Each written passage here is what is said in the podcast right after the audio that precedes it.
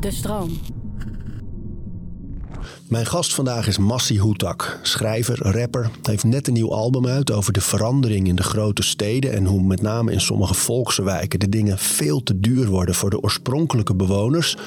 En hij heeft het er vooral over hoe dat anders moet. Wat is een mens zonder houvast in zijn manier van leven? En ieder heeft een handvat en eigen rituelen. Orde in je hoofd zodat alles te overzien is. We praten over routines. Uh, alles is aangeharkt in die stad. Alles moet netjes. Terwijl dat rommelige, dat vieze, dat uh, chaotische heel erg juist de stad is, toch? Uh, als je daar niet van houdt, ja, dan heb je een keuze. Toch? Van, dan moet je niet in de stad gaan wonen. We praten over routines. Massi, hoe begon jouw ochtend vandaag? met rond een uur of zeven, half acht opstaan. En me afvragen, hé, hey, waar is die kleine nou? Meestal is hij best wel vroeg aan ons bed. Als hij niet uh, in de nacht al in het bed ligt. En ook heel specifiek zijn plek tussen ons inclaimt. en ook echt zegt, papa schuif. Ja, ja, is echt zo van, papa je ligt op mijn plek. Dat soort dingen. Oh. Dus ik dacht, ik ging even spieken bij hem op zijn kamer. En die, had, die was gisteren echt moe. Volgens mij heeft hij ook echt, uh, hij, hij moet echt nog wennen aan die omslag van seizoenen. Zo snel, snel donker, kou en alles, veel binnen. Hij is echt iemand die heel veel naar buiten gaat. We gaan heel veel samen naar buiten. Dus ik zocht hem even op, maar hij lag zo rustig te slapen. En toen uh, dacht ik, oké, okay, uh, meestal ga ik op zijn kamer in de ochtend wat bewegingen doen, een beetje sporten en zo. Wat doe je voor bewegingen? Kijk, als het, het liefst, ik heb twee, twee varianten. Het liefst ga ik gewoon uh, in de ochtend boksen. Dus dat is wat ik eigenlijk doe. Maar als ik afspraken heb in de ochtend, dan denk ik, weet je, ik leg gewoon een matje neer.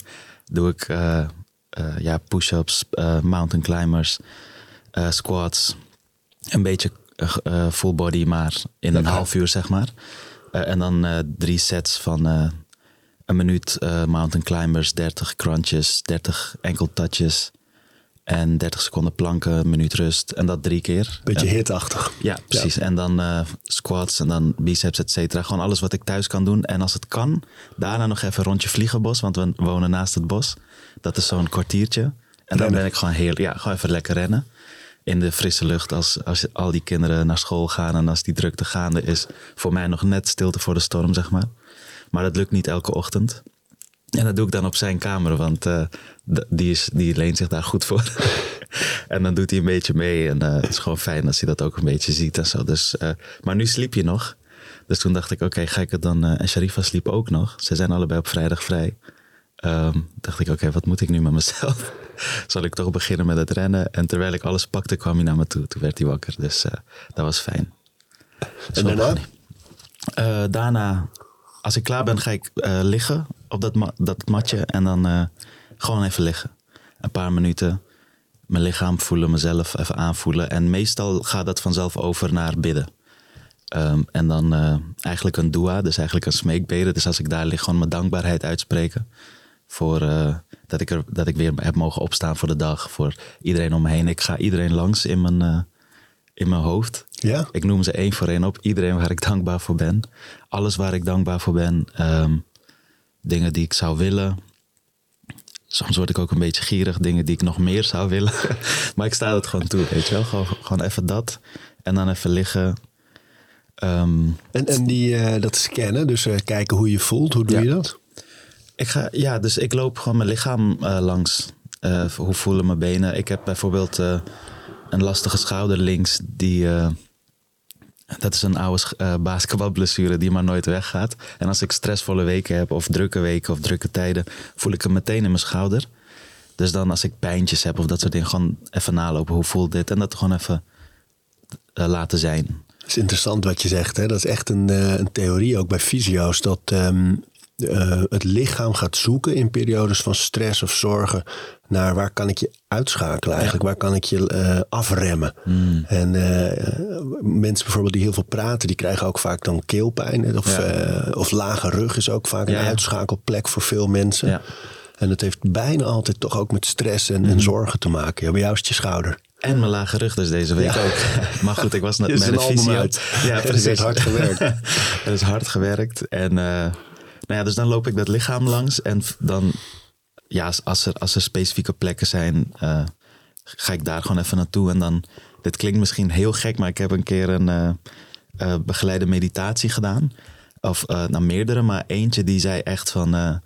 als je ergens pijn hebt, adem daar naartoe. Ja. Stuur daar verse zuurstof naartoe. Ja.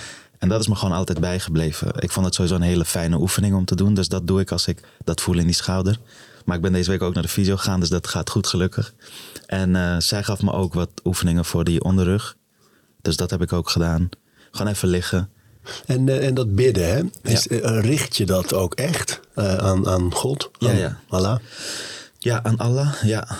Ja, toch wel. Ik heb dat... Het is grappig, want het is... Um, het is eigenlijk één um, verhaal dat ik de hele tijd vertel en uitspreek. En dat heb ik heel jong geleerd. En dat begin en dat eind is vanaf dat ik vier of vijf was en dat leerde nooit veranderd. En daartussen verandert het, want uh, wensen, zorgen, mensen, noem maar op. Al die dingen die, die ik noem, die variëren natuurlijk met de tijd. Die lijst wordt eigenlijk langer. Daar waar ik aan het begin altijd zei, ik ben dankbaar voor mijn vader, moeder en mijn broers. Daar is natuurlijk veel meer bijgekomen inmiddels ook, weet je, uh, neefjes, nichtjes, kinderen, al die dingen. Um, maar ik richt het wel tot Allah inderdaad. Dus, en dat begint en eindigt echt met specifiek ook echt dat zo uitspreken. Ja. Ik, hoe, hoe, zeg je dat? Is dat? Uh, of is dat uh, of mag, in het mag dat eigenlijk? In ik zeg het in het Farsi, ja, ja. Ja, ja, zeker. Dus ik heb het ook zo geleerd in het, uh, een van de dialecten van het Afghaans, in het Dari. Um, Shuk, ja, shukr alhamdulillah. Alhamdulillah ken je natuurlijk. Dat, dat, ja. Dus daar zitten Farsi en Arabische citaten uit de Koran. Even nadenken. On the spot, hoe zeg ik dat dan? Uh, shukr khuda jan kemroz as gauw geestim. Uh, shukr ba zindagi, shukr ba saat mandi. Shukr is dus uh, alhamdulillah, zeg maar dankbaarheid. En net zei ik, dank God dat ik vandaag weer heb mogen opstaan. Dank voor mijn gezondheid, dank voor het leven. En zo gaat het verder. En dat shukr, wij zeggen het ook zelfs, tenminste zo heb ik het geleerd, na het drinken, na het eten. Dat zit er zo in. En tegelijkertijd moet je het elke keer echt intentioneel blijven doen. Dat het niet een soort automatisch piloot wordt. Gewoon om die gewoon dankbaarheid en uh, bewustzijn door je hele dag, de hele tijd terug te laten keren. Dat is mooi, hè? Dat vind ik echt wel een van de goede dingen uh, van gebed rond, rond eten en rond rituelen. Dat het heel goed afbakent ook. Ja. Ik, merk het bij onze kinderen bijvoorbeeld. Die waaieren heel snel van tafel als ze mm -hmm. nou, meestal nog niet klaar zijn natuurlijk. Ja. Maar er is altijd onrust om die eettafel heen. Ja. En ik, ik, weet dat wij vroeger in, in ons gezin, um, ik kom uit een gezin met vijf kinderen en ik ben de tweede. Er werd gebeden voor het eten en ook erna. Ja. En Bijbel gelezen erna. En los van wat mensen geloven, is die afbakening voor kinderen wel heel duidelijk. Van Ja. dit is het begin, hier is het einde. Ja, ja, precies. En als dat er niet is, dan krijg je dat waaieren. Dus ik, ik Ja. merk ook dat heel veel mensen die niet geloven, wel zoeken nu naar zo'n afbakening. En wel ook omdat er met voeding natuurlijk heel veel gaande is over waar komt het vandaan, is het schoon, wees, wees je bewust van wat Ja. je eet en wat het met je doet. Dus dat heel veel mensen een soort gebed zijn gaan bedenken of eh, gaan, gaan ja, implementeren in hun leven, waar het meer gaat over dit is het eten wat vandaag op ons bord ligt. Waar komt het vandaan? Ik ben er dankbaar voor, dat spreek ik uit. Ja. Ik ga het bewust proeven en bewust eten. Ja, ja, zeker. En als ik klaar ben, dank ik weer dat, het, dat, ik, dat ik het heb gegeten. En alleen vraagt zich dan in de meeste gevallen denk ik niet af dankbaar aan wie of wat. Maar het is wel mooi dat Mhm. Er gezocht wordt naar zo'n markering. Die, die, zeker. die je geloof eigenlijk meebrengt al. Nee, dat is echt zo. Het- Ik moet meteen denken aan nog zoiets specifieks wat mijn vader ons, ons leerde was... degene die het eten voor je heeft bereid ook bedanken eh, in het gebed voordat je begint. En dan, en dan nou ja, Persisch is natuurlijk gewoon een super poëtische taal. Eh, precies, bijvoorbeeld. Of eh Diwan Hafiz. Dat, die was vooral bij ons thuis heel Ja? erg... Ja, dat is echt een hele grote... Hoe- maar ik kan het helaas... Divana Hafiz. Hafiz eigenlijk. En volgens mij is Hafiz een soort eh, titel voor iemand die heel wijs is. Dus een wijsgeer. Maar Diwan betekent dan weer gek. Dus de gekke wijsgeer. Heerlijk, Dat is hij. Een hele, hele goede poëet. En, eh, maar mijn vader die zei dus bijvoorbeeld... ehm, in het, eh, in het Farsi van... We, we danken de handen van de persoon die dit eten heeft bereid. Weet je, gewoon echt zo specifiek. En dan waar het vandaan kwam inderdaad. Gewoon dat allemaal benoemen voordat je begint. En dan eindigen, en die kleine van ons heeft dat nu ook. Als hij inderdaad nog niet klaar is, maar er wel klaar mee is. Dat hij dan zegt, mag ik dua doen? En dan, dus dat is dan dat gebed. Oh. En dat is eigenlijk van, mag ik van tafel? En dat is van, nee, nog niet. En dan zie je hem al zo, hij kent het nog niet helemaal, maar hij weet een beetje hoe hij het moet laten klinken. Dus dan is hij al bezig. En dan zeg ik, maar we zijn nog niet klaar. Hij zegt, nee, ik wacht wel op jullie, maar ik ben alvast dua aan het doen. en dan uh, ja, sjoemelt hij zichzelf er zo uit, zeg maar. Je noemt je vader en dat, dat poëzie al een, uh, een grote rol speelde. Hè? En, uh, en tekst en taal, verhalen. Ja. Dat, jij bent nu rapper, columnist, schrijver. Mhm. Mm -hmm. Veel met taal bezig natuurlijk. Ja, ja. Um, kun je me eens mee terugnemen naar... Um, want, want, je komt uit Afghanistan ja. van oorsprong. Ja, ja. Kun je me mee terugnemen naar, naar het begin? Ja, ja. Um, geboren in Afghanistan in een gezin van... Uh, uh, ik was de derde van uh, drie zoons, de jongste toen nog. Um, op een gegeven moment gevlucht voor de oorlog. Mijn vader, bouwkundig ingenieur, deed veel opdrachten in het buitenland. Um, studeerde aan een Russische universiteit, of tenminste een ook Russisch-talige universiteit in Kabul. Dus mijn hele familie spreekt Russisch. En het is wel grappig, want hij moet helemaal niks hebben van Russische literatuur. Nee. En ik vind dat geweldig, maar ik kan het niet in die taal lezen. Hij weer wel. En hij zegt, jij moet die persen lezen en dat kan ik weer niet lezen. Dus we hebben altijd zo'n discussie. Mijn moeder, uh, uh, leraar Engels. En uh, op een gegeven moment gevlucht. Zij mocht niet meer werken. Hij mocht eigenlijk niet meer buitenlandse opdrachten aannemen. En toen, we komen uit een welgestelde familie, dus we konden het ons veroorloven om in eerste instantie naar Pakistan te gaan met de hele familie. Daar had opa nog een ik wil niet zeggen een huis, maar bijna een flat waar iedereen naartoe kon. Alle gezinnen, alle mensen. En langzaam zijn zo ooms en tantes ook weer doorgetrokken naar VS, Europa, Australië. En op een gegeven moment uh, zeiden mijn vader en moeder ook van... hé, misschien moeten wij dat ook doen voor die uh, kinderen. Um, Pakistan was, daar was niet acuut gevaar. Maar er was ook niet de democratie en de rust en de ruimte... die mijn vader kende in het Kabul waar hij is opgegroeid. Uh, die hij ons ook gunde. En vooral kwaliteit van leven. En uh, ja, dus toen, uh, toen ik zes was, uh, gevlucht naar Nederland. Mijn moeder heeft dat niet gered. Die is eh, onderweg overleden. Hoe komt dat? Zij had borstkanker. En haar ziekte was eigenlijk de aanleiding dat mijn ouders dachten: oké, okay, nu moeten we gaan. Ze hebben het er wel heel lang over gehad, maar de familie was daar. En zijn Amsterdam Noord was daar, weet je wel. Dus hij, hij vond het natuurlijk heel moeilijk om te, om te vertrekken. Maar toen haar ziekte echt heel, uh, heel erg werd, zei hij, nou nu gaan we en we gaan jou proberen het zo lang mogelijk bij ons te houden. Maar dat is niet gelukt, maar wij stonden wel in de startblokken, dus wij zijn wel gegaan. En, uh, is hij nog daar overleden? Pakistan ja, nog? Ja, ja, dus wij zijn toen op een gegeven moment uh, in AZC's beland in Nederland een paar jaar. En op een gegeven moment in Amsterdam-Osdorp ons eerste huis gekregen. Daar heb ik de basisschool gedaan. En in groep 7 verhuisd naar Noord, begin 2000. En uh, toen heb ik nog een jaartje steeds naar Osdorp heen en weer gereisd om daar de basisschool af te maken. Hoe speelde in dat leven van die alleenstaande vader dan uh, ja. plotseling met drie zoons? Ja. Um, die taal en die verhalen, hoe speelde dat een rol? Ja, dus dat was het meegeven van, uh, van alles. Ik, ik zit even een rijtje in mijn hoofd te bedenken van alles. Van discipline, van het geloof, van uh, de Afghaanse cultuur. En uh, de poëzie daarin, maar ook waar we vandaan komen. En het ging twee kanten op. Want aan de ene kant vertelde hij ons dus inderdaad... als we aan die tafel zaten en we hadden gegeten... en we waren uitgegeten, we hadden gebeden... begon hij een verhaal te vertellen. En het was meestal gebaseerd op iets dat uit de Koran komt. Dus een geloofsverhaal. Wat eigenlijk mijn, uh, mijn sprookjes waren toen der tijd. Um, of, of parabels. Altijd met een les erin. En, um, en omgekeerd zei hij weer omdat hij alleenstaand was en zoveel moest werken om voor ons te zorgen, had hij niet de ruimte en de tijd om die Nederlandse taal op cursussen te gaan leren of naar school te gaan. Dus hij zei: Jullie moeten thuis allemaal Nederlands praten, zodat ik het ook oppak. Maar uh, als hij vertelt, dan praat hij Farsi en dan krijgen wij dat ook gewoon mee en houden we dat ook vooral. We spraken dat natuurlijk al. Dus op die manier was die taal altijd super belangrijk. En uh, ja, en dan zei hij dan, dan vertelde hij een verhaal. En dan net voor de climax stopte die, keek hij ons aan, lange stilte. En dan vroeg je ons één voor één: hoe denk je dat het verder gaat? hoe denk je dat het eindigt? En dan hadden wij drie verschillende versies of dezelfde versie. En dan pakte hij het weer op, maar voordat hij het oppakte, zei hij: Oh ja, interessant. En dan? En waarom denk je dat? En dat maakte het zo tof. Want het zette die verbeelding meteen aan, ook op een ander niveau, weet je wel. Van, Ja, mooi man. eh, een verhaal mag gewoon. Je bent actief, je bent niet alleen maar een soort passieve luisteraar. Jij, Weet je jij wat geeft mooi is? Ik, wij, kennen elkaar al best lang. Ja. En je hebt me dit eh, ooit een keer eerder verteld. Daarom vroeg ik er nu ook naar. Ik, ik vind het namelijk echt een heel mooi voorbeeld. Ook in opvoeding, maar ook het belang van taal en verhalen. En dat je kinderen zo vroeg eigenlijk al leert dat, dat fantasie en creativiteit. En dat je zo'n verhaal zelf af kan maken. Ja. Dat, dat is heel mooi. En ik heb, doordat jij dat toen vertelde, doe ik dat zelf al jaren ook bij mijn Ah, kinderen. leuk. Dus heel vaak stop ik. Mijn kinderen hebben twee dingen. Ik lees elke avond voor.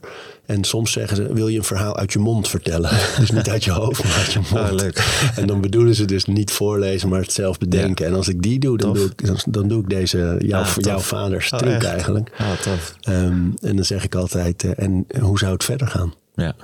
En, eh, en soms is het al zo, mijn dochter Bobby is zes. En die, eh, die wil soms al zelf echt het hele verhaal verder vertellen. Als ik net begonnen ben, dan wil Mhm. Ja. zij het overnemen. En eh, dat kan ze ook steeds Tof. beter. Dus ik vond dat, dat, dat is me altijd bijgebleven. Ah, terwijl leuk. dat is denk ik wel Ja, ja, het is wel grappig. 10, ik was 12 jaar geleden of zo. Ja, zeker. Ja, wij dat- ontmoetten elkaar toen ik volgens mij net 18 was. Je bent nu net gisteren. 31 geworden. Kijk. We made it. En dat is grappig, want eh, een maand nadat wij elkaar ontmoetten, bracht ik mijn eerste mixtape uit. Ja, En, dat, en later heb jij me nog zelfs geholpen met een plaat en eh, een intro inspreken en al die dingen. Maar nu is die eerste echte plaat eindelijk uit ook. Dus dat is wel een mooi cirkel rond momentje. Ja, en, dat- en, het album, kijk, we gaan het straks nog even over hebben. Ja. Over hoe je schrijft en hoe je bedenkt en de muziek die je maakt. Maar de, eh, eh, het mooie daaraan is ook dat eigenlijk alle dingen samenkomen. Ja. Dus de muziek waar je zelf naar luistert, de toepak, de jeugd, Precies. een beetje die sfeer. Ja. Twee verschillende sferen zijn dat Zeker, trouwens, maar die komen allemaal terug. Ehm, en, en, en je grote thema, eh, Amsterdam-Noord. Ja, en ja. Amsterdam-Noord staat dan echt symbool voor heel veel wijken in Ja, Nederland. Waar precies. Dingen veranderen en Ja. niet altijd ten goede.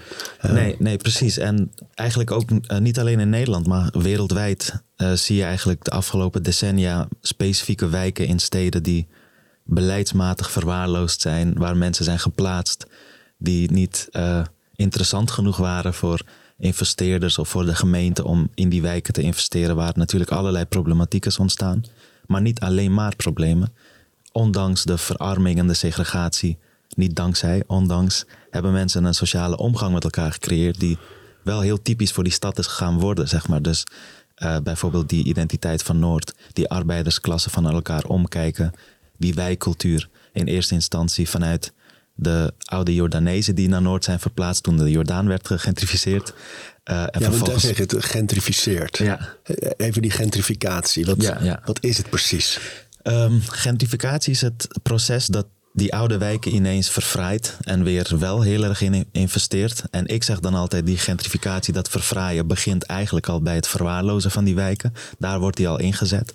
En vervolgens, ja, nou ja, die mensen die daar al decennia wonen, vr- vragen al heel lang: onderhoud onze huizen, wij betalen die huren, onderhoud de openbare ruimte, zorg dat we goede scholen hebben. En met verwaarloosd bedoel je dat er weinig geïnvesteerd wordt in de bouw, in het onderhoud. Ja. Eh, dat er eh, mensen die ehm, eh, nou ja, eh, ehm, ehm, moeilijk liggen of, of minder inkomen hebben. Precies, ja. Een beetje naar die randen worden geduwd en in Ja. die wijken worden geplaatst jarenlang. Ja. Inmiddels suggereren de meeste steden dat ze dat allemaal aan het recht trekken zijn. En dat ze proberen een goede mix van inkomens en achtergronden in buurten te krijgen. Ja, ja. Gentrificatie is dus eigenlijk ook waar, waar het mis is gegaan. Ja, ja, dus dan zie je dat die investeringen eindelijk wel plaatsvinden. Eindelijk dingen worden opgeknapt en eh, verbeterd. Eh, maar meestal ten koste van de mensen die er al heel lang wonen. En die al heel lang vragen om die voorzieningen. En eh, nou ja, dus wij met Verdedig Noord, met mijn bewonersorganisatie en ik, pleiten ervoor van hoe kan je die stad en die steden en die wijken verbeteren voor iedereen. En eh, een van de standaardmodellen waar iedereen te makkelijk van uitgaat, is als je kapitaalkrachtige mensen daar neerzet, doorgestudeerde mensen, dan de trickle-down economics heet dat, dan gaat het vanzelf wel de rest ook omhoog halen. Maar dat eh, is ook te vaak gebleken van niet. Je moet specifiek juist in die oude wijken.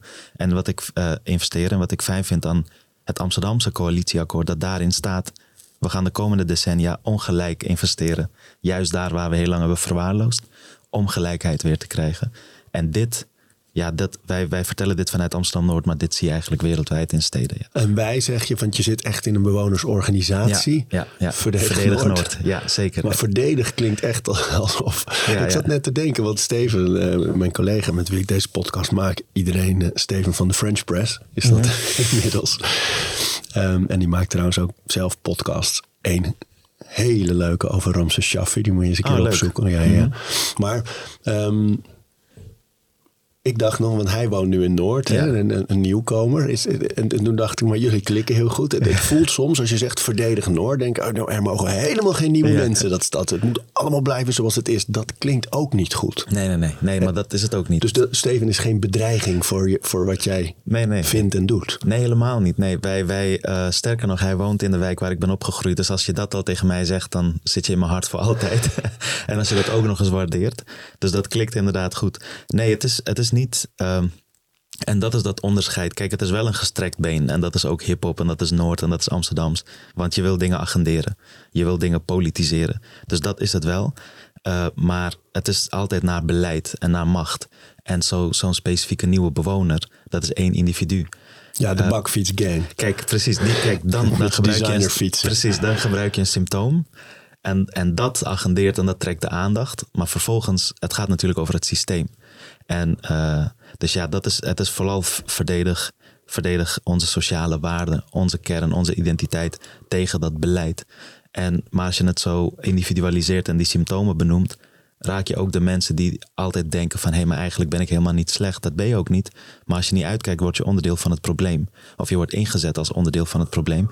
En je hebt de keuze om onderdeel van de oplossing te worden. Die keuze is er. Door gewoon bewuster, dus komt dat bewustzijn weer terug. Bewuster te zijn met wat is de ruimte die ik neem in de stad? Wat heeft mijn bestaan of mijn verhuizen naar dit stadsdeel voor consequenties voor andere bewoners die er al woonden voor mij? En eh, dat bewustzijn alleen al is denk ik eh, een van de grootste winsten. Ja. Ik denk waar dit heel veel levens raakt in Nederland, is, is wat je onder meer ook eh rapt op je nieuwe album, is dat het ook heel erg gaat over er veranderen dingen in zo'n stad. Ja. En vooral in prijzen. De, de huizen worden heel erg duur. Ja. De, de, de, de kopjes koffie, de, de, super, alles wordt duurder, duurder, duurder. Ja. Te duur voor de mensen die oorspronkelijk in deze wijk wonen. Ja. Dat, dat is een van de kernpunten. Hè? Zeker, ja. Dus het is echt een, eh tuurlijk een sociaal-maatschappelijk, maar met name ook echt een economisch verhaal. En, en dat zie je doordat eh stedelijke ontwikkeling te vaak nog wordt verward met vastgoedontwikkeling. Dus wij denken dat als, als dat vastgoed maar heel veel waard wordt, en die waarde drukken we uit alleen maar in geld, in steden, eh, of, of in stenen bedoel ik.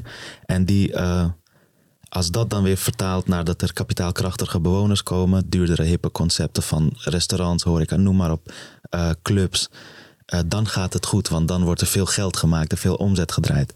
En wij zeggen juist van, nee maar al die financiële waarde zou eigenlijk de sociaal-maatschappelijke structuur en de menselijkheid moeten dienen en niet domineren. En het is het wel gaan domineren, ja. Waardoor die ziel van die eh, steden steeds meer uit die steden verdwijnt. Ja, want dat zie je natuurlijk al heel erg gebeuren. Dat, dat eigenlijk iedereen die bijvoorbeeld eh, eh, één inkomen heeft in een gezin, Ja. in, eh, in plaats van twee, eh, die, die kan eigenlijk al niet meer in de stad wonen. Klopt. Ja, ja, heel veel tweeverdieners ook bijna niet. Nee, ook Ja, niet. Nee, ja. dat is waar. Ja. Ja. Mensen die werken hebben gestudeerd of, of niet. Maar goed, van wie, eh, voor wie zou er plek moeten zijn voor de stad? En wat, je hebt, wat, je, wat er eigenlijk is gebeurd, ook wederom wereldwijd, maar is dat armoede is gecriminaliseerd. En ik denk dat dat echt een van de slechtste ontwikkelingen is. Dus dat bijvoorbeeld als er dak- en thuislozen in een portiek slapen of in een trappenhal, dat we dan gaan nadenken over hoe gaan we nu deze trappenhal opnieuw inrichten zodat zij hier niet meer bij kunnen. In plaats van hoe gaan we die stad zo inrichten dat er ook plek voor hen blijft en dat we voor hen gaan zorgen. En die stad was voor mij altijd een plek waar ik wist dat ik mocht vallen. En dan voel ik me thuis. Als ik weet dat ik mag vallen en ik word opgevangen en wordt voor mij gezorgd. Omdat ik zie om me heen dat die stad iedereen opvangt en voor iedereen zorgt. En nu zie ik eigenlijk dat steeds minder. En ik vraag me steeds meer af, eh, heeft die stad mij nog nodig? Heb ik, ik heb die stad heel hard nodig. Waarom zou een stadje nodig hebben? Eh, waarom zou een stadje nodig hebben? Ehm, omdat wij al die stenen, straten, gebouwen in die stad eh, betekenis geven. Zonder ons, zonder de menselijkheid, zonder naar elkaar omkijken. ja, zijn het allemaal inwisselbare, generieke plekken. Als je een foto zou nemen van een nieuwbouwcomplex in Brooklyn, Berlijn of op Buikstottermeeplein, zou je het verschil niet meer zien. Alleen al in hoe het eruit ziet, maar ook in hoe meer het anonimiseert, hoe meer het individualiseert. En ik denk dat die stad juist die plek is waar je onverwachte ontmoetingen hebt, onverwachte vriendschappen creëert voor het leven. En weet van, hier heb ik mijn sociale vangnet, hier mag ik vallen. Uh, hier, ja, dus, Hoe je het nu zegt, hè, denk ik ineens, dit is natuurlijk een, een, een probleem of een, uh, ja, een conflict eigenlijk in onze samenleving dat op veel meer plekken terugkomt. Want ik, ik dacht ineens toen je het zo vertelde van uh, dat er dus dan bij, bij die daklozen in zo'n portiek niet gekeken wordt naar uh, hoe kunnen we zorgen dat die daklozen er niet meer zijn. Of dat we zorgen dat ze op een, op een goede plek ja. uh, opgevangen worden. Maar dat er gekeken wordt hoe kunnen we ze buiten houden. Juist, ja. het, het, lijkt ook wat, wat, wat, er bijvoorbeeld in de zorg gebeurt. Dat we niet gaan kijken hoe kunnen we mensen gezonder krijgen. Maar hoe kunnen we de symptomen bestrijden. Mm. Dus de, de, medicijnen. De, weet je, het, het is een ja. quick fix. En mm. het is nooit kijken naar de bron. Ja, en, en, dat geldt hier eigenlijk ook. Hè? Dus er wordt niet gekeken hoe gaan we dit bij de bron oplossen, ja. in de kern. Ja. Maar er wordt gekeken hoe kunnen we de symptomen uh, we, ja, wegvagen eigenlijk. Ja, precies. Ja, en, en dan is dan weer de vraag waarvoor? Zeg maar, wat zijn je prioriteiten? Uh, op welk moment en waarom? Omdat we dan de hele tijd denken aan... Uh, alles is aangeharkt in die stad. Alles moet netjes. Terwijl dat rommelige, dat vieze, dat chaotische... heel erg juist de stad is, toch? En, als, en anders, als je daar niet van houdt ja, dan heb je een keuze. Van, dan moet je niet in de stad gaan wonen. Uh, elke boom is geplant, elke galerij is dicht, elke portiek is gesloten. Alle deuren hebben sloten. Die deuren gingen vroeger open of waren open. Dus waar ik ben opgegroeid in het plan van Gol, uh, was de architectuur zo open. Tegelijker, het, was, het is tegelijkertijd een doolhof. Als je er niet vandaan komt, weet je niet zo goed. Ben ik nou bij flat L want, of B? Want ze hebben allemaal letters, maar niet op volgorde. Het is ook een beetje gemaakt om te verdwalen op een toffe manier. Zodat je net even die onverwachte plek ziet en die onverwachte ontmoeting hebt. En die ontmoetingen werden georchestreerd door de architectuur. En nu zijn alle trappenhallen en alle galerijen zijn dichtgebouwd. Natuurlijk vanwege veiligheid en natuurlijk gebeurde daar ook van alles. Maar het is nu allemaal dicht. En uh, nu dus hier één concreet voorbeeld. Vrienden van mij die ik al twintig jaar ken. Ik ga nu naar hun huis, die daar nog steeds wonen. En ik vraag ze voor het eerst in twintig jaar: op welk nummer woon je eigenlijk? Omdat ik onderaan moet aanbellen bij een nummer. Vroeger liep ik gewoon en wist ik na de lift de tweede deur links. Of na de galerij de derde deur bij de hoek, weet je wel. En nu moet ik naar welk nummer woon je eigenlijk? En dat doet best wel veel met mij dat ik denk: oh ja, nu moet je op die manier dat hele systeem nu weer in. Want wat doet dat dan? Ja, is letterlijk uitgesloten worden. Dus, dus uh, dat, waar je voorheen welkom was, wist dat je dat, dat gebouw heette je welkom en dan ging je in. En die vanzelfsprekendheid van dit is mijn thuis, ik hoef niet nummers te onthouden om naar mijn vrienden of familie te gaan. En dat, dat je nu ineens voor die dichte deur staat en een uh, slot dat niet meer werkt voor jou. En een deur dat, die niet meer open gaat voor jou. En dan ineens nadenken, bellen. En gewoon gedoe. Gedoe over allemaal vanzelfsprekende dingen die eigenlijk heel erg normaal waren voor ons. Um, ja, het, wat het voor mij doet, omdat ik er natuurlijk zoveel mee bezig ben, is, uh, is extra benadrukken van, ja shit man, wat, waar, uh, waar zijn we mee bezig? Denken we nog wel goed genoeg na over alles wat we bouwen en hoe we die stad ontwikkelen, dat dat alles wat er al was aan bestaande kwaliteit moet dienen? Als je het zo zegt, klinkt het heel, ook heel romantisch, hè? heel harmonieus. Dat, dat de, de mensen in zo'n wijk, ongeacht uh, kleur en achtergrond, in harmonie met elkaar leefden. Maar ik denk dat het, het beeld is ook natuurlijk ontstaan dat. Uh, nou, je hebt ook een van je teksten gehad over Henk en Ingrid, die, die of Ingrid, die dan naast je wonen, weet je wel. Dat is natuurlijk ook wel de tegenpolen in zo'n wijk. Dat, dat eh, de autochtone en de allochtone bewoners in conflict met elkaar wonen. En dat Ja. in veel van die wijken in Nederland, bijvoorbeeld de PVV, Ja. eh, het goed doet. Ja, ja. Omdat ook, ook bij die autochtone bewoners, die er van begin af aan ook wonen, een soort angst is ontstaan voor nieuwkomers. Ja, ja. En dan bedoel ik de nieuwkomers met, met andere huidskleuren. Ja. Ja, en nu met gentrificatie merk je dat het nieuwkomers in de breedste zin is. Dus dan denken we, oh oké, het, is, eh, het is een soort bredere angst. Dus dat is oké. nee, maar het is, eh, nee, dat, dat is zeker waar. Dus Noord is een, wat ik al zei, een heel erg gesegregeerd stadsdeel. ehm, waar inderdaad, ik hou ervan. Het is de mooiste plek op aarde. Maar op twee momenten vind ik het eh, de lelijkste plek op aarde als er wordt gestemd en tijdens Sinterklaas. En dan zie je echt de, de lelijkste kant. Ehm, en het is heel gek, nee, inderdaad. Je hebt, je hebt eh, ook toen wij daar kwamen wonen, natuurlijk. Ik ben ook ooit nieuwe bewoner geweest. En dan was ik ook nog eens wat ze noemden een vluchteling. En was het in eerste instantie van, oh, even kijken hoe ze het doen. En weet je, altijd een beetje de kat uit de boom kijken. Maar het klikt al heel snel. Ik denk dat wat ons toch bindt. Want wij hadden omgekeerd ook dat, hè, van hey, altijd extra voorzichtig zijn, omdat we hebben natuurlijk. Het is gek om dat zo te zeggen, wij hebben natuurlijk, maar dat is helaas zo vanzelfsprekend veel met racisme te maken gehad, ook toen we naar Nederland kwamen. Wat dus, maakt je mee? Uh, nou ja, als je. Kijk, in Helmond, dat was het laatste asielzoekerscentrum waar we zaten. Daar mochten we het AZC eindelijk uit. Uh, dus daar mocht je overdag gewoon het winkelcentrum in en die andere niet waar we hebben gezeten. Dus dan kwam je in de uh, samenleving, de Nederlandse samenleving, waar ook uh, andere bewoners woonden. En als je nog niet goed Nederlands sprak, of als je niet op een goed tempo doorliep, kreeg je dat wel gewoon echt te horen van mensen. Hier spreken we Nederlands, hier lopen we rechts. Ehm, nou ja, ik wil ze niet allemaal reproduceren, maar goed, dus dat, dat idee dat je er de hele tijd aan herinnerd, herinnerd wordt dat jij de ander bent dat jij nieuw bent, dat je er eigenlijk niet hoort en eigenlijk in de weg loopt. Ehm, dus dat soort dingen. Maar goed, dus dat toen wij in Noord kwamen, mensen zagen met een beetje sceptisch. Uh, ja, hadden we weer een beetje die behoedzaamheid van: oké, nou ja, weet je, goed, wij gewoon even opletten. Maar dat is wel ons eigen. Altijd, altijd op je hoede zijn, altijd opletten. En, uh, maar je merkt heel snel wat ons bindt, is dat uh, de witte arbeidersklasse en vervolgens alle andere klassen die erbij zijn gekomen, met migratieachtergronden. Wat we met elkaar delen is, we komen allemaal van een wijkcultuur. We hebben allemaal uh, die, die dorpsmentaliteit, zeg maar. Van weet je, groeten, elkaar aankijken, helpen als je ziet dat iemand te zware tassen tilt. Te hulp schieten. Uh, als we hebben gekookt, een bord brengen naar de buren. Ongeacht of het een feestdag is of niet. Als je elkaar twee, drie dagen niet hebt gezien, even aanbellen. hey, gaat hij nog goed? Ben je oké? Lang niet gezien. Uh, grapje maken, weet je, dat soort dingen. Dus dat, dat werkte zo snel al meteen goed dat ze dachten: oh nee, maar wacht even. Dit zijn wederzijds. Wij en zij dachten bij elkaar van: wij zijn gewoon elkaars mensen. Wij snappen elkaars omgang. En dat is die universele waarde van. Uh, het is heel gek om te zeggen, maar van groeten bijvoorbeeld. Gewoon dagelijks elkaar aankijken, groeten, te hulp schieten.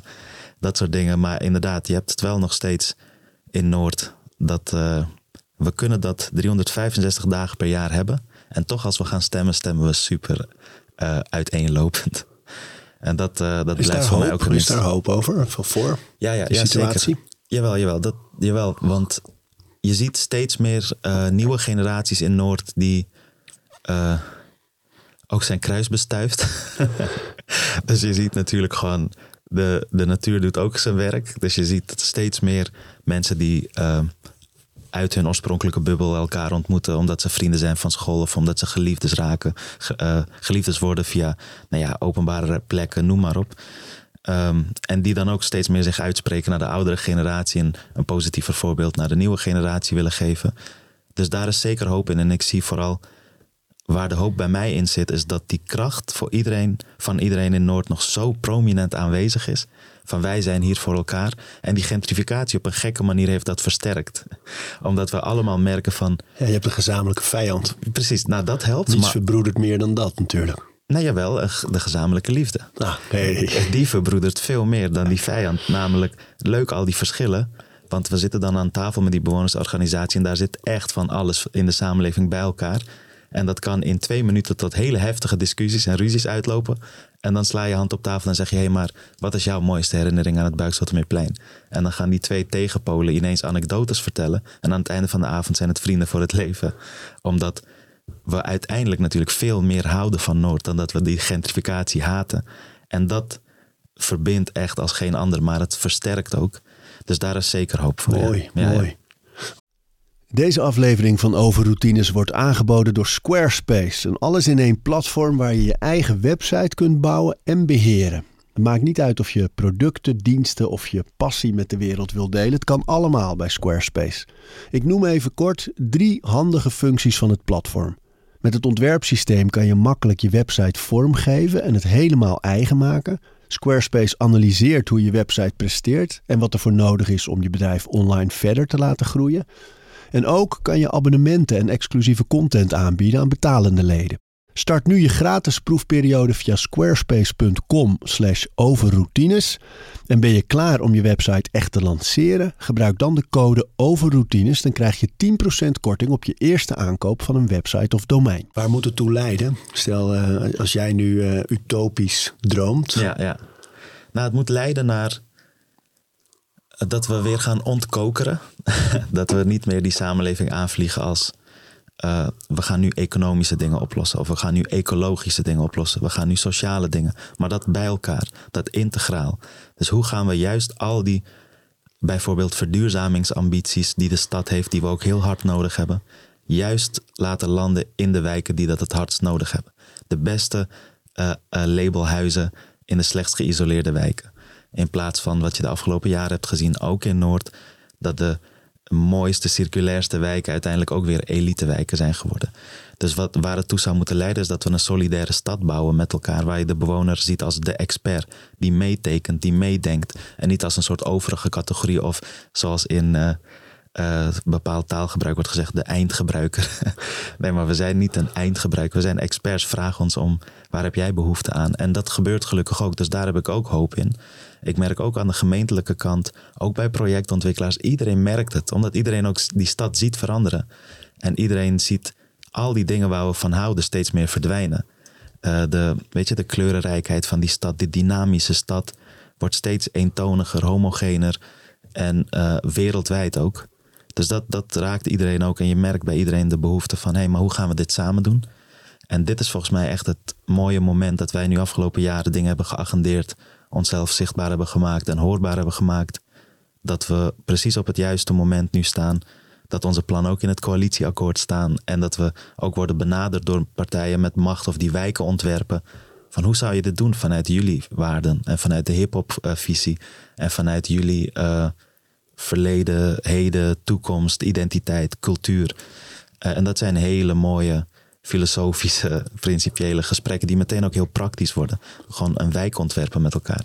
En dat proberen te realiseren. Dus daar leidt het allemaal, daar moet het naartoe leiden. Ja. Mooi.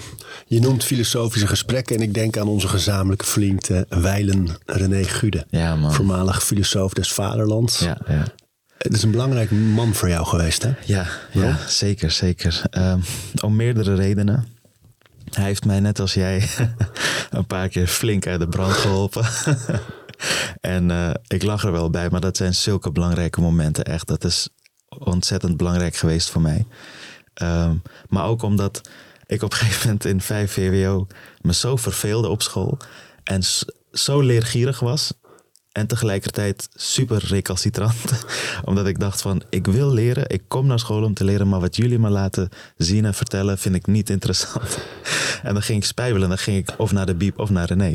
En spijbelen in de biep? Spijbelen in de biep. En, en, ja, ik rook niet, nooit gedaan, drankjes, dat soort dingen nooit gedaan. Dus ik ging of naar de studio, muziek maken, maar dat was heel moeilijk om dat te vinden. En de biep was er altijd. Wat las je daar? Ja, daar las ik dus met dank aan René vooral de Russen. en dan kwam ik bij René en dan zei ik van, nou ja, hij zei, wat wil je leren dan? Ik zeg, nou ja, gewoon de grote vragen, de levens, waarom zijn we hier? En, wat, en uh, ik ben gelovig, maar tegelijkertijd ben ik een tiener en ik voel dit en ik voel dat en wat moet ik er dan mee? En dan gaf hij me De Meester en Margarita bijvoorbeeld, van Mikhail Bulgakov, nog steeds een van mijn favoriete boeken. Waarom? Um, omdat ik vind het zo tof dat qua vorm, qua vorm, want het heeft, volgens mij is Faust daarin deels herschreven. Uh, dus het zijn twee verhalen. De duivel komt naar Moskou en die uh, vertelt de mensen dat ze God vergeten zijn. En als ze, uh, dat ze weer moeten gaan geloven. Want als ze niet geloven in God, ontkennen ze ook het bestaan van de duivel. dus hij heeft daar belang bij. en dat, dat vond ik zo sterk. En tegelijkertijd zie je eigenlijk de. Um, gaat er een verhaal parallel daaraan. En dat is de.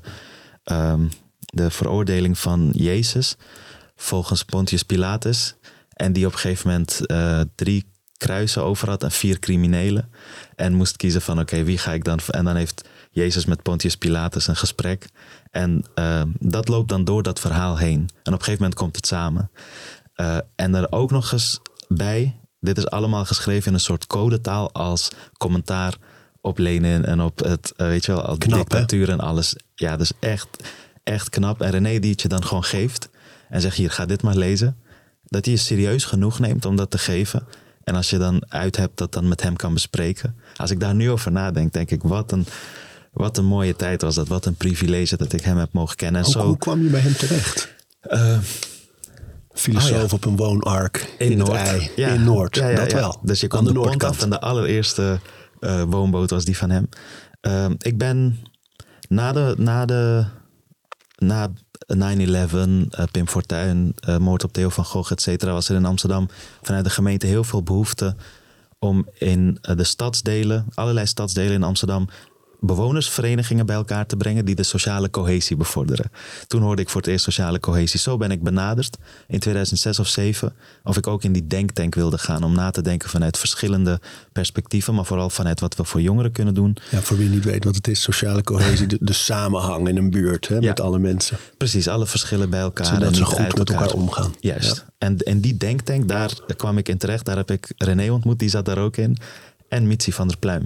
Oh ja, de uitgever. Mijn uitgever. Inmiddels van uitgeverij Pluim, toen nog van uitgeverij Contact, waar Juist. ook jouw eerste boek is uitgekomen. Precies, en waar we elkaar hebben ontmoet. Ja, zij heeft ons aan elkaar voorgesteld. Juist, Toen ja. werd je gepresenteerd als een soort...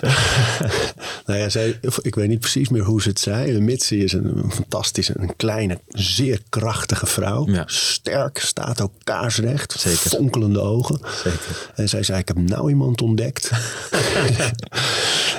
en dat merk je nu ook. Want ik weet zeker dat als, als mensen naar dit gesprek zitten te luisteren... en ze weten bijvoorbeeld hoe je eruit ziet... Er er zit, een, er zit een soort tegenstelling in het rappen, de, de straat, Noord, eh, Afghaanse achtergrond.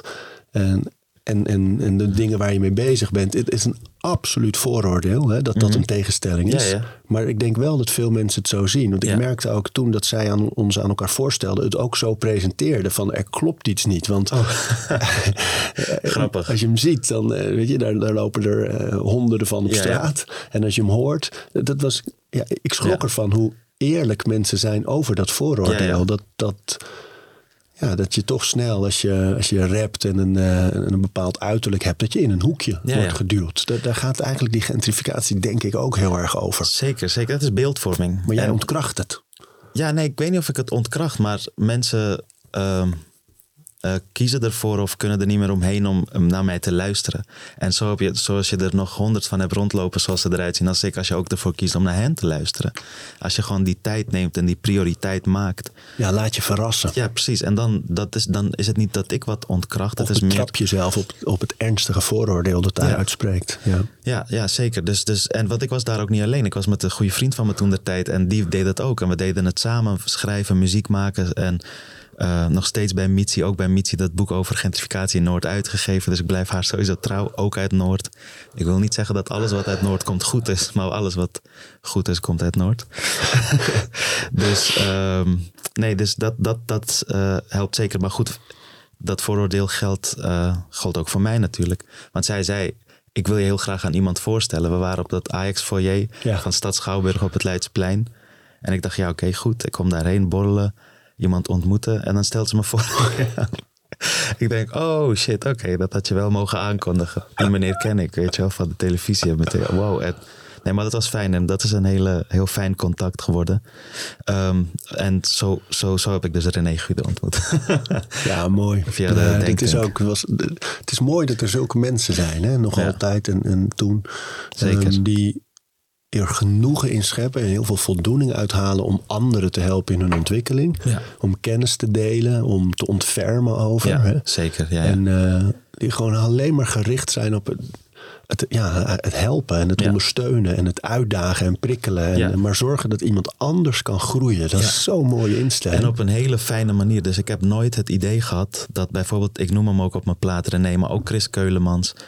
Het- ze hebben het op zo'n toffe manier gedaan dat ik me nooit een liefdadigheidsproject heb gevoeld. Dat vind ik heel fijn. En dat, die sensoren bij mij zijn wel heel scherp, ook vanaf jongs af aan. Ja. Eh, dus, eh, en als ik dat voelde, dan voelde ik me niet veilig en dan ging ik weg.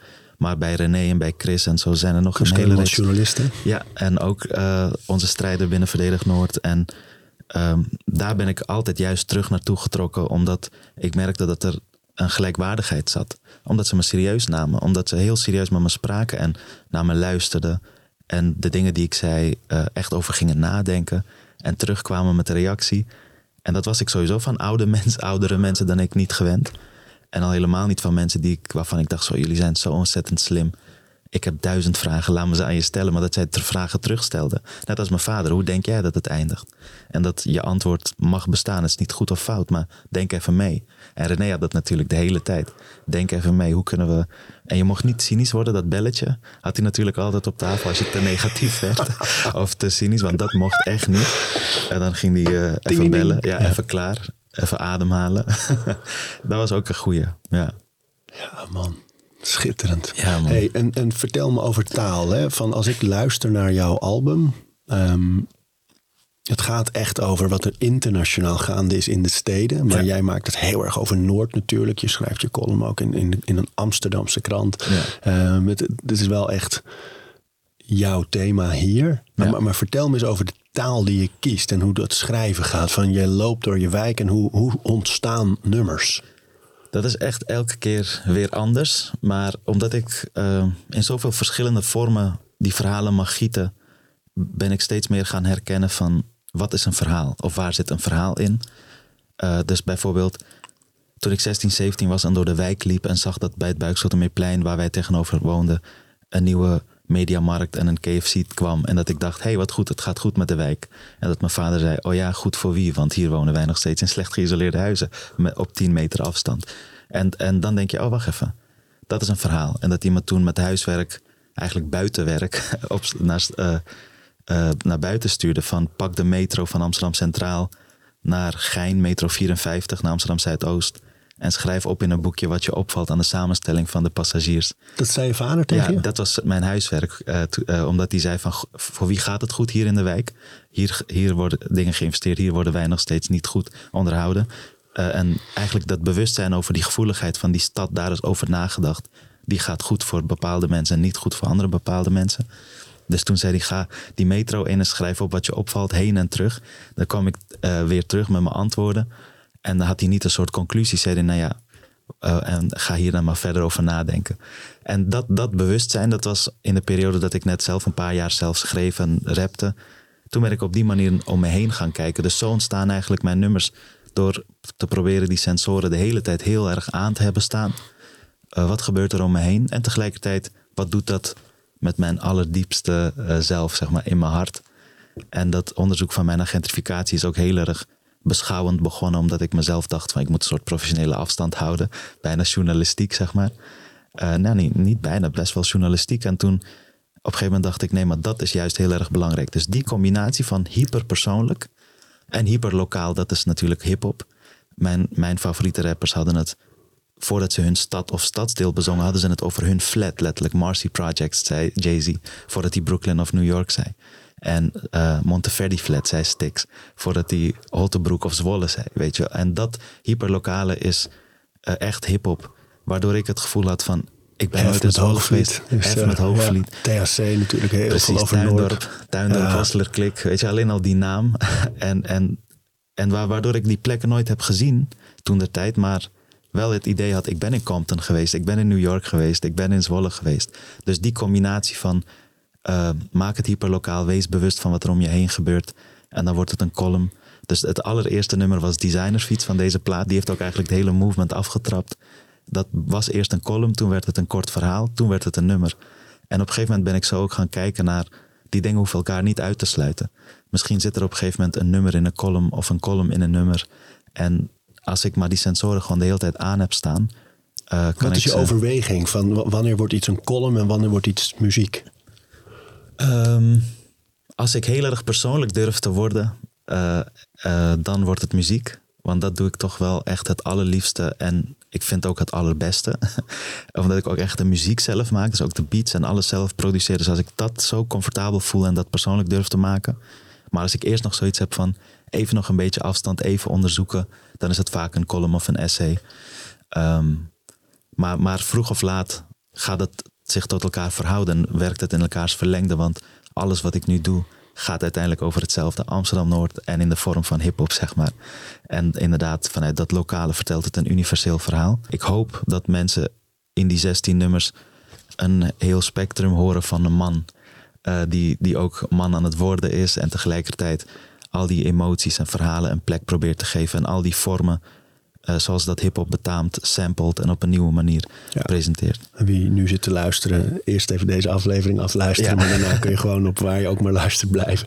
Op Spotify staat het gewoon allemaal. Als je. Massi, Massi Hoetak eh, intoetst, is het gewoon het laatste album natuurlijk. Ja, welkom in de Noordzijde natuurlijk heet het. Tuurlijk. Ja, Er staat ook een nummer op, eh, Grote Jongen, Grote Buik. ja, ja zeker. Ja. En dus ik dacht, we hadden elkaar een tijdje niet live gezien. Ik lees je en ik volg je, maar ik dacht, oh, die, die komt er een binnen zo. Ja, ja. En dat valt tegen, hè? Ja, je bent helemaal Gelukkig. niet eh, groot. Nee, Tenminste, maar- niet, niet dik. Nee, maar dat, eh, dat ben ik wel geweest. Wat woog je? Ik woog eh, op mijn zwaarst 110. En je bent? dat was nog begin dit jaar. Ik schommel nu rond de 90, iets eronder en soms erop. Zo. Ik wil nog, ja, dat is dit jaar allemaal gebeurd. In acht, negen maanden, 20 kilo eraf. Ehm, met dank aan boksen, maar ook echt mijn broer die me meenam op fitness en voeding, meteen allerlei tips. Eh, dus vandaar ook dat ik dit gesprek begon met dat ik in de ochtend die dingen doe. Een Ja, jaar ja, geleden ja. had ik dat echt niet gezegd. Ehm, nee, maar dat is wel, dat is wel echt belangrijk, want ik heb in mijn jeugd heel veel gesport. Altijd, dus heel veel getafeltennist op hoog niveau. Bijna Nederlands kampioen geweest. Ik heb nog landelijk gespeeld met jongens van 18 terwijl ik 11 was, weet je wel. Dus dat was wel serieus. En eh, basketbal natuurlijk, voetbal, altijd heel veel sporten. En alles ook meteen heel fanatiek en heel goed doen. En op een gegeven moment na de middelbare school ging ik uit huis. Kreeg ik een baantje als nachtreceptionist. En eh, ging ik een beetje geld verdienen, eh, rijbewijs halen, veel autorijden in de stad. En dan eh, vliegen de kilo's erop, zeg maar. Dus, maar goed, het had ook heel veel te maken met stress en heel veel eigenlijk emoties, noem maar op, gewoon moeilijkheden, problemen die ik wegat. En die ik met me meedroeg, letterlijk. En waar ik eigenlijk een beetje in geknapt ben. Echt dat ik dacht, ik, dit hou ik gewoon niet meer vol. Het gaat gewoon niet goed, weet je. Dat je het echt voelt. En ik dacht, ik wil gewoon rust in mijn hoofd hebben en meer focus. En me gezonder en sterker voelen. En vooral dat weten. En niet zozeer spieren voelen of dat soort dingen. Maar weten van, ik ben vitaal, weet je wel. En dat ik gewoon constante energie heb en dat soort dingen. Want dan sport is één ding, maar als in jouw leven dus dingen gebeuren wa- waardoor je stress hebt, waardoor je zorgen maakt of angsten hebt, z- zijn er nog andere rituelen die je hebt om daarmee om te gaan? Ja, dus bidden helpt heel erg. Dat is altijd, altijd toch wel het eerste waar ik naar grijp. Ook buiten stress om. Gewoon als ik, als ik geen oortjes in heb op de fiets of als ik wandel, merk ik dat ik vanzelf aan het bidden ben. Gewoon dat ik, en dat is zo erin gestampt als kind, zeg maar. Dat je, en dat is heel fijn, want het zijn mantra's eigenlijk. Of die dankbaarheden uitspreken. Toch nog één keer eh, dat hele riedeltje opnieuw doen. En ik noem het nu oneerbiedig riedeltje, maar het is gewoon heel fijn. En dat, dat eh, lijkt heel erg op meditatie. Het, daar hoort ook een bepaald eh, ritme en ademhaling bij. Dus, dat, dus ademhalen, ehm, wandelen, heel veel wandelen met die kleine in het vliegenbos en door heel Noord. Ehm, maar meer dan dat qua rituelen niet. En ik heb er dit jaar dus wel een paar aan toegevoegd. Wat heel erg eh, focust op gezond eten. En, en vooral ook licht, want ik wil me lichter voelen.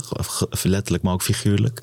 En als ik de, eh, de hele dag door, bijvoorbeeld eh, tijdens Ramadan vast. Dat vasten is ook iets wat nu eh, het hele jaar door ook gewoon doorgaat. Ja? Via intermittent Intermittent, fasting. ja. Ja. en dat, ik, ik merkte tijdens Ramadan altijd dat ik 16 me zo... uur niet eten, ach, in die 8 uur drie maaltijden. Ja, ja, precies. En dan, daar, daar ben ik nu gewoon iets relaxter in. Maar ik heb het een tijdje heel st- streng gedaan.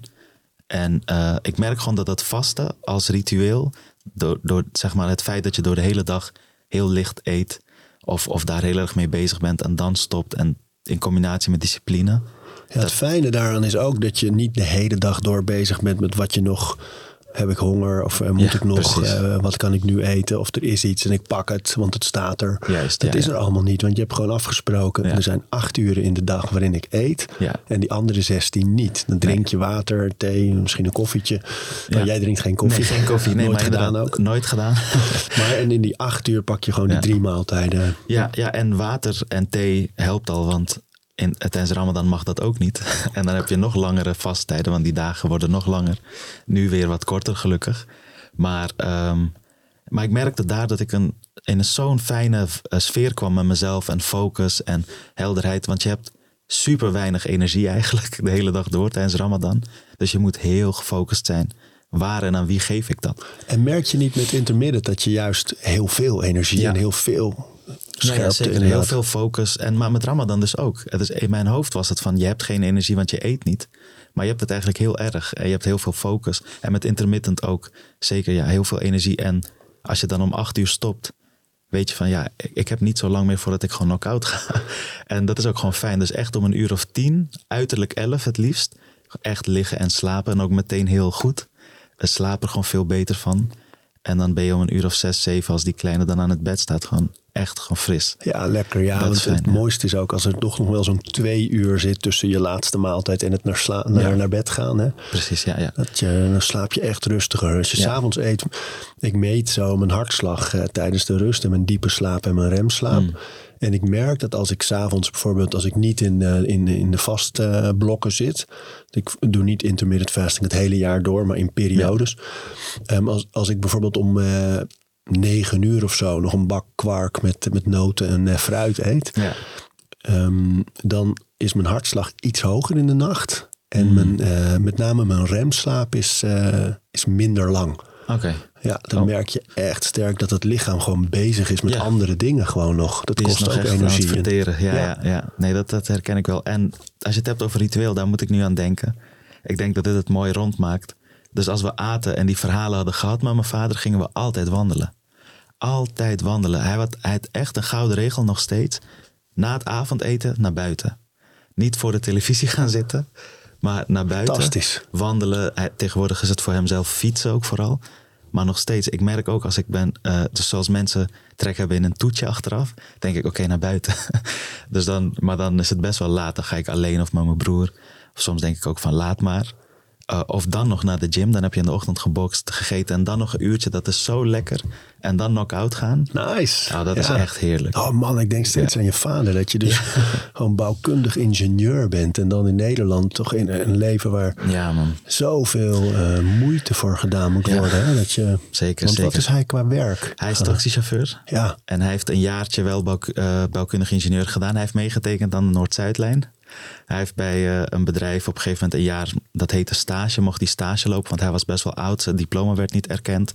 Dus hij moest zich bewijzen. En een jaar lang ging dat heel goed. Auto van de zaak. Ik zag mijn vader opbloeien. Ik zag hem lachen. Ik zag hem zichzelf zijn. Dus zoals die kleine mij muziek ziet maken en ziet leven en optreden. Dat hij echt ziet, dit is mijn vader. Dat heb ik in dat ene jaar bij hem gezien. En daarna kreeg hij geen contract omdat hij te oud en te duur was. Ze hebben hem dat jaar gewoon gebruikt. en hoe heeft hij daarop gereageerd? Ja, heftig. Heftig. Hij is daarna weer eh, ja, heel somber geworden. En, eh, maar ja, weet je, gewoon wel doorpakken. En niet per se eh, heel zwaar naar ons toe, helemaal niet. Maar gewoon, je merkt gewoon dus dat opbloeien, dat lachen, die Ja, tinteling in zijn ogen. gezien worden en en erkend Ja. en uitgedaagd worden en kunnen groeien en ergens Ja. vast in kunnen bijten. Maar wat een bewondering heb ik voor je vader. Ja, Zo alleenstaand en dan op die manier mensen van alles meegeven. En, eh, Ja, en op een gegeven moment hertrouwd. Hè, dus gelukkig niet meer alleenstaand. En daar heb ik een broertje van. Die is inmiddels 16. Oh. Dus dat is allemaal, ja, dus dat, dat, dat is allemaal wel goed gekomen in die zin. Gelukkig, hij is niet alleen. En eh, wordt ook eh, in die relatie weet je, gewoon gezond gestimuleerd en gezien. En dus dat is allemaal fijn. Heel fijn omdat wij natuurlijk allemaal uit huis zijn, behalve die eh, 16-jarige. Eh, dus eh, nee, dat is wel goed. En ook eh, samen sporten, ook met zijn nieuwe vrouw en zo. Dus dat is fijn. Wat ik het mooiste eraan vind is denk ik dat wij als we nieuws lezen... Hè, en ook nu weer over AZC's, asielzoekerscentra in Nederland... dat, dat we, het blijft bij een bericht over mensen in een ander leven. En wat zo mooi is aan jouw eigen verhaal, maar ook je vader... dat als je moeite doet om mensen te zien en om te kijken wat voor leven iemand leeft... en wat voor gedachten iemand heeft en wat voor dromen... en Ehm, dat je gewoon, als je, als je durft voorbij de nummers, de cijfers, de, de berichtjes te kijken, dat, dat je mensen leert kennen, wat er dan gebeurt. Ja, ja, zeker. Dat hadden wij ook hè, in, in, eh, in de AZC's waar ik zat. Het is zo gek. Ik zag allemaal ingenieurs en kunstenaars en docenten en noem maar op. Gewoon allemaal, eh, nou ja, ook, ook als je die opleidingen niet had gedaan, slimme mensen met waardevolle verhalen en inzichten en talent en kwaliteiten. En dan heb je de beeldvorming. De beeldvorming, Natuurlijk. is- we zien problemen. Precies, en er komen problemen op ons af. En noem maar al die eh, termen waar je bang mee, eh, mee wordt gemaakt. Dus eh, nee, maar dat is ook wat Noord extra zo thuis maakte. Want dat was de eerste, ik vertelde aan het begin een beetje hoe ik me in die AZC's voelde. En als je die steden inkwam. Maar in Noord had ik al heel snel dat ik dacht, dit is veilig. Dus dat wat je van huis uit meekrijgt, van altijd op je hoede zijn. Die dekking altijd hoog. Daar durfde ik hem een beetje te laten zakken. En soms zelfs gewoon helemaal weg te laten. Want er was niet per se altijd acuut gevaar. Of, uh, dat, of de potentie daarvan. En dat is echt zo belangrijk voor mensen. En dat is een mensenrecht. Dat is niet alleen maar een mooie uh, droom, mooie droom. Het is een mensenrecht. Het recht op een huis en een thuis. Dus waar je wilt wonen. Waar je je veilig voelt. En we zijn dat echt uit het oog verloren. Dus laten we dat verdedigen.